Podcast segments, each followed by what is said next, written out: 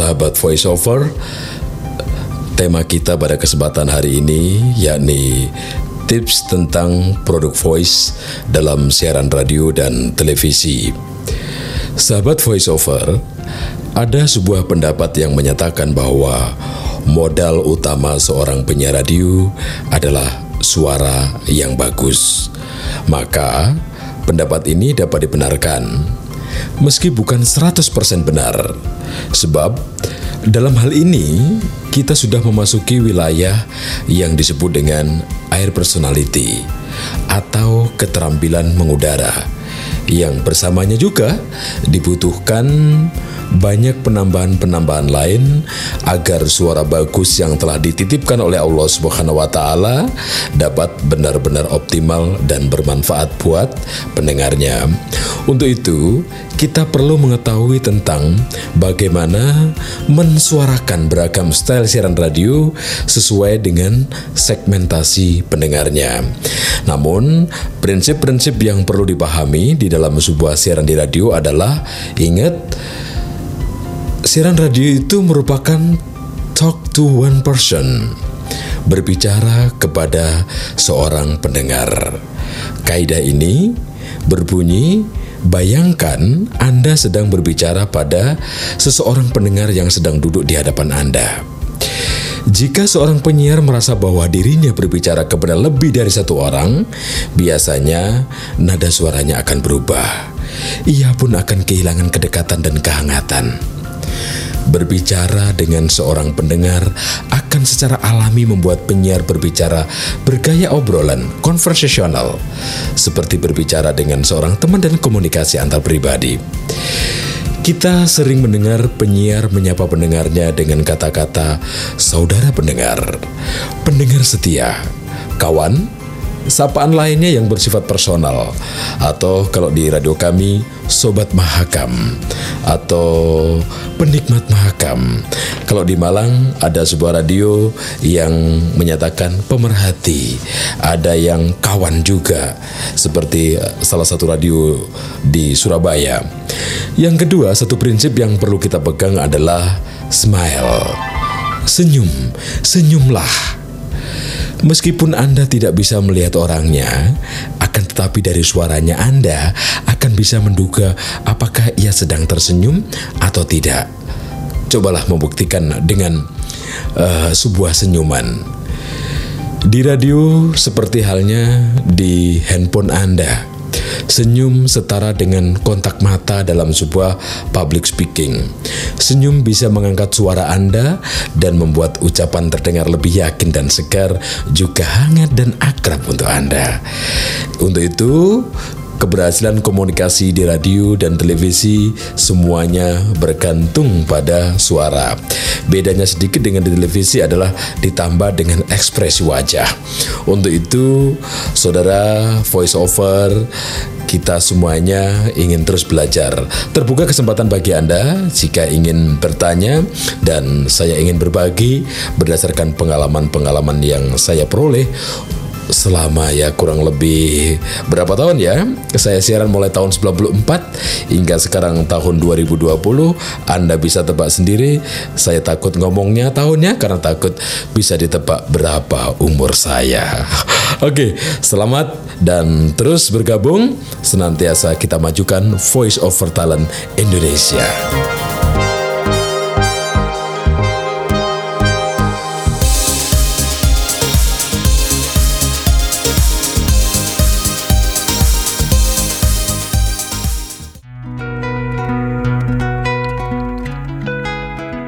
Sahabat Voice Over Indonesia, kita berjumpa kembali untuk membahas dari beragam pertanyaan yang telah masuk. Untuk pertanyaan pertama adalah bagaimana caranya mengatur pernafasan agar membuat nafas kita jauh lebih panjang. Jadi biasanya kalau kita sebagai seorang announcer, seorang penyiar, bahkan voice over juga, berlatihlah bernafas melalui diafragma. Berlatih dengan membuang nafas dengan embusan yang panjang dan terkendali. Hal ini bisa Anda lakukan, biasakan menarik nafas dalam-dalam sebelum berbicara supaya Anda tidak kehabisan nafas. Lara, caranya adalah uh, coba sekarang luruskan lengan Anda ke depan, lalu jari telunjuk ke atas, Tarik nafas dalam-dalam dan simpan dalam perut Anda, bukan di dada tapi di perut, sambil membayangkan bahwa jari telunjuk Anda adalah api lilin yang ingin Anda matikan dengan tiupan lima kali. Buang nafas lima embusan, tetapi pastikan bahwa setiap tiupan sama panjang dan kekuatan yang sama. Cara ini ya simple yang insya Allah bisa menambah kualitas Anda dalam menggunakan pernafasan Anda saat Anda siaran di radio atau saat Anda take vokal. Oke, dan sekarang adalah pertanyaan yang kedua. Warna vokal yang seperti apa sih yang berpotensi komersial? Dan mohon tipsnya bagaimana untuk bisa memunculkan warna vokal itu. Sekaligus ada beberapa pertanyaan tentang olah vokal dan trik menahan nafas ketika harus uh, saat melakukan rekaman atau recording. kawan kawan-kawan, bahwa warna vokal yang berpotensi komersial adalah tergantung kebutuhan dari yang menginginkan yakni pihak pengiklan atau kalau radio atau televisi tergantung segmentasi kalayaknya. Nah, Salah satu modal dasar seorang penyiar radio, presenter TV, dan reporter adalah suara. Untuk itu, paling tidak suara Anda adalah tidak cempreng, kecil, apalagi ngos-ngosan. Nah, sehingga suara Anda tentunya harus jelas, tidak terdengar tersengal, apalagi tarikan nafasnya jelas sekali di speaker begitu ya. Nah, untuk melakukan ini perlu beberapa pelatihan dengan menggunakan teknik-teknik tertentu, yakni latihan olah vokal dan pernafasan yang digunakan untuk apa? Untuk pertama adalah pengucapan alat pelafalan kata. Jadi ketika kita melafalkan kata yang benar seperti apa, itu juga modal untuk latihan serta untuk membangun kekuatan suara Anda melalui pernafasan juga dan olah vokal dan kekuatan serta kendali nafas. Tadi yang saya katakan bahwa kita harus melatihnya. Latihan vokal, teknik vokal ini juga dimaksudkan agar saat kita berbicara bisa mengeluarkan suara dengan jelas, merdu, indah dan memikat. Apalagi seorang penyiar radio itu tidak memerlukan wajah yang ganteng, tapi membutuhkan adalah suara yang nyaman, enak didengar, dan mempesona bagi setiap orang yang mendengarnya. Oke, sekarang pertanyaan yang ketiga adalah Bagaimana melakukan latihan ringan untuk voice over? Jawabannya adalah ada di buku dunia voice over. ya, buat kawan kita yang menanyakan ini bahwa membaca dan berbicara yang baik karena hal tersebut merupakan tuntutan utama seorang voice over talent. Latihan membaca-membaca dengan beragam variasi, beragam intonasi itu juga merupakan bagian dari sebuah latihan ringan. Kalau kita jalan gitu ya di jalan raya tiba-tiba ada iklan atau ada supir truk tuh ya, ada truk yang ada tulisannya anti gadis. ya, itu kita bisa lakukan. Saksikan setiap hari hanya di nah, itu kita bisa latihan terus apa yang ada, apa yang Anda lihat, apa yang ada di jalan Anda pegang itu Anda baca dengan baik dengan intonasi yang beragam. Nah, untuk itu uh, bagi Anda yang berminat sekali menjadi voice over talent atau seorang penyiar, tentu Anda dituntut untuk menyampaikan pesan yang tertulis dalam skrip dan voice over talent juga dituntut untuk dapat mencitrakan sesuatu, mencitrakan image melalui suara yang Anda sampaikan. Baik dan sekarang saya akan bacakan kembali pertanyaan yang lain yakni bagaimana mendapatkan job untuk siaran di radio. Cara yang biasa dulu saya lakukan adalah menyebar lamaran yang disertai oleh sampel vokal. Kalau sekarang cukup mudah sekali ini kita merekam dengan alat-alat yang sudah tersedia. Dulu saya itu pakai kaset ya. nah, pakai kaset terus pakai mic uh, record tip recorder dan juga alat-alat lain begitu. Nah, sambil menunggu panggilan buat uh, Anda siaran dari radio tertentu maka Anda bisa sekarang itu memanfaatkan podcast ya sekaligus sebagai wahana untuk berlatih dan menambah portofolio Anda.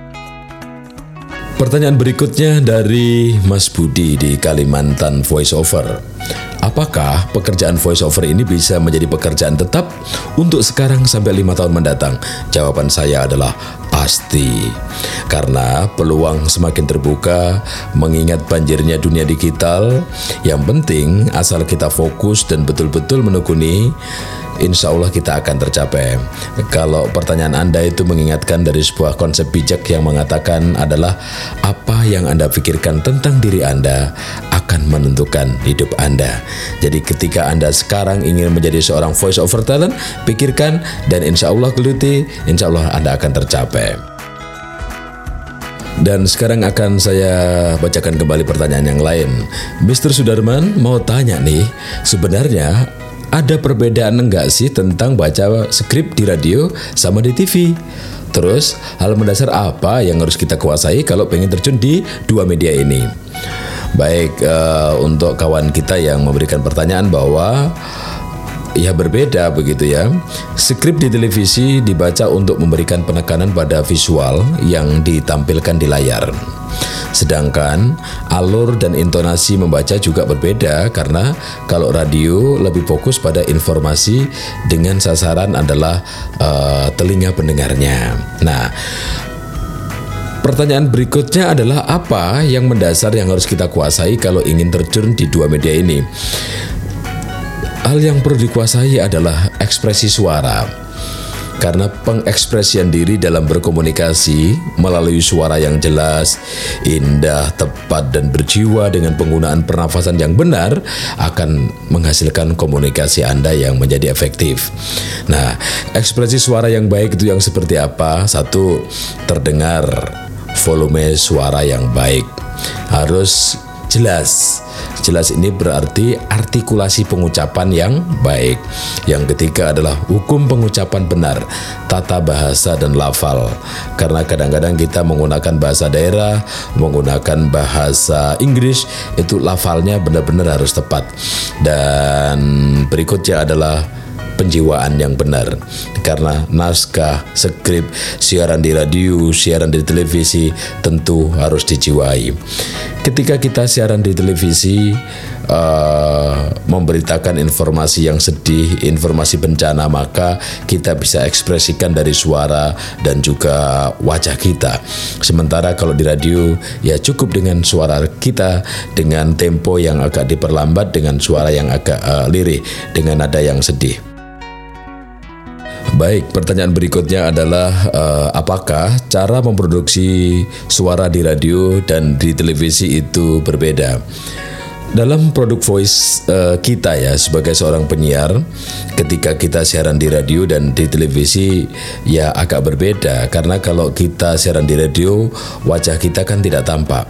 Saat kita melakukan uh, pernafasan atau suara diafragma dan kita keluarkan suara itu dari resonansi tubuh kita yang sedikit agak menggema begitu, uh, ekspresi wajah kita tentu berbeda. Untuk menghasilkan vokal yang enak, vokal yang jelas itu biasanya ya bibir kita juga tidak terlalu sempurna. Sementara kalau kita di televisi wajah kita kan juga menjadi pertimbangan. Nah, untuk itu satu hal yang disadari bahwa keunggulan dari siaran radio adalah kekuatan suaranya karena hal ini digunakan untuk membangun theater of mind. Sehingga suara itu diharapkan mampu untuk memberikan imajinasi sesuai dengan uh, khayalan pendengarnya. Sedangkan di televisi yang dibutuhkan adalah visualnya. Tentu ini sebenarnya memberikan keuntungan bagi kita atau peluang bagi voice over talent untuk mengisi program-program uh, yang ada di televisi yang tidak membutuhkan wajah kita. Baik, kawan voiceover, pertanyaan berikutnya adalah bagaimana menjaga kualitas suara uh, sebagai anugerah dari Tuhan. Menjaga suara banyak hal yang kita bisa lakukan. Salah satu di antaranya adalah cukup mencukupi kebutuhan cairan. Minumlah cukup air putih setiap hari. Ya, makan buah-buah segar, berolahraga, istirahat bersuara. Artinya hal ini bisa menjaga timbulnya benjolan-benjolan di pita suara. Hindari pemakaian suara berlebihan ya, seperti berteriak-teriak, menjerit-jerit, dan buat saudara yang terpenting adalah menjaga otot leher rileks. Jagalah agar tenggorokan Anda dan otot leher Anda selalu rileks. Baik, dan sekarang adalah pertanyaan terakhir. Apakah jenis suara mempengaruhi jenis narasi yang sesuai untuk seorang voice over talent? Dan apakah suara dapat diubah dengan latihan? Misalnya, suara yang terdengar kalem dapat memainkan karakter bersemangat dan lincah. Jawabannya adalah yang pertama dulu bahwa jenis narasi sesuai dengan seseorang voice over talent. Oke, untuk pertanyaan tentang uh, apakah narasi harus menyesuaikan seorang voice over talent, kalau pendapat saya sebaliknya bahwa kita sebagai seorang voice over talent harus mampu menyesuaikan dengan beragam jenis narasi. Jadi narasi itu dalam bentuk apa? Uh, baik formal atau casual atau hal-hal yang bisa bersifat semangat katakanlah menarasikan olahraga, maka Anda harus bersemangat. Ini adalah uh, kita yang harus menyesuaikan dengan narasinya. Hal tersebut sesuai dengan pertanyaan Anda yang lain yang menyatakan bahwa apakah suara itu bisa diubah dengan latihan? Jawabannya iya. Suara bukan diubah ya, tapi suara itu adalah dilatih uh, menggunakan intonasinya, melafalkan artikulasinya. Ini yang harus betul-betul kita pelajari dan terus latihan. Karena dengan latihan, insya Allah kita akan uh, bisa menyesuaikan. Salah satu contohnya tadi yang saya kemukakan di depan adalah pernafasan, karena pernafasan ini adalah modal. Karena saya meyakini bernafas yang benar, suara terdengar lebih keras jika kita bisa melakukan dengan benar pernafasan kita. Dan jangan lupa juga kita bisa untuk melatih uh, kelincahan bibir kita itu dengan melakukan apa yang disebut dengan lip trills sambil bersenandung. Caranya adalah rapatkan bibir Anda, alirkan udara melalui celah bibir sambil bersenandung.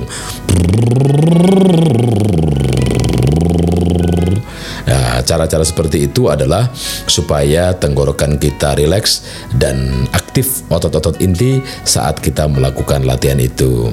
Ini adalah cara-cara yang kita bisa lakukan untuk menjadi sosok voice over, penyiar radio dan juga penyiar televisi. Oke, sahabat Voice Over Indonesia, itulah beberapa jawaban yang bisa saya berikan dalam forum ini.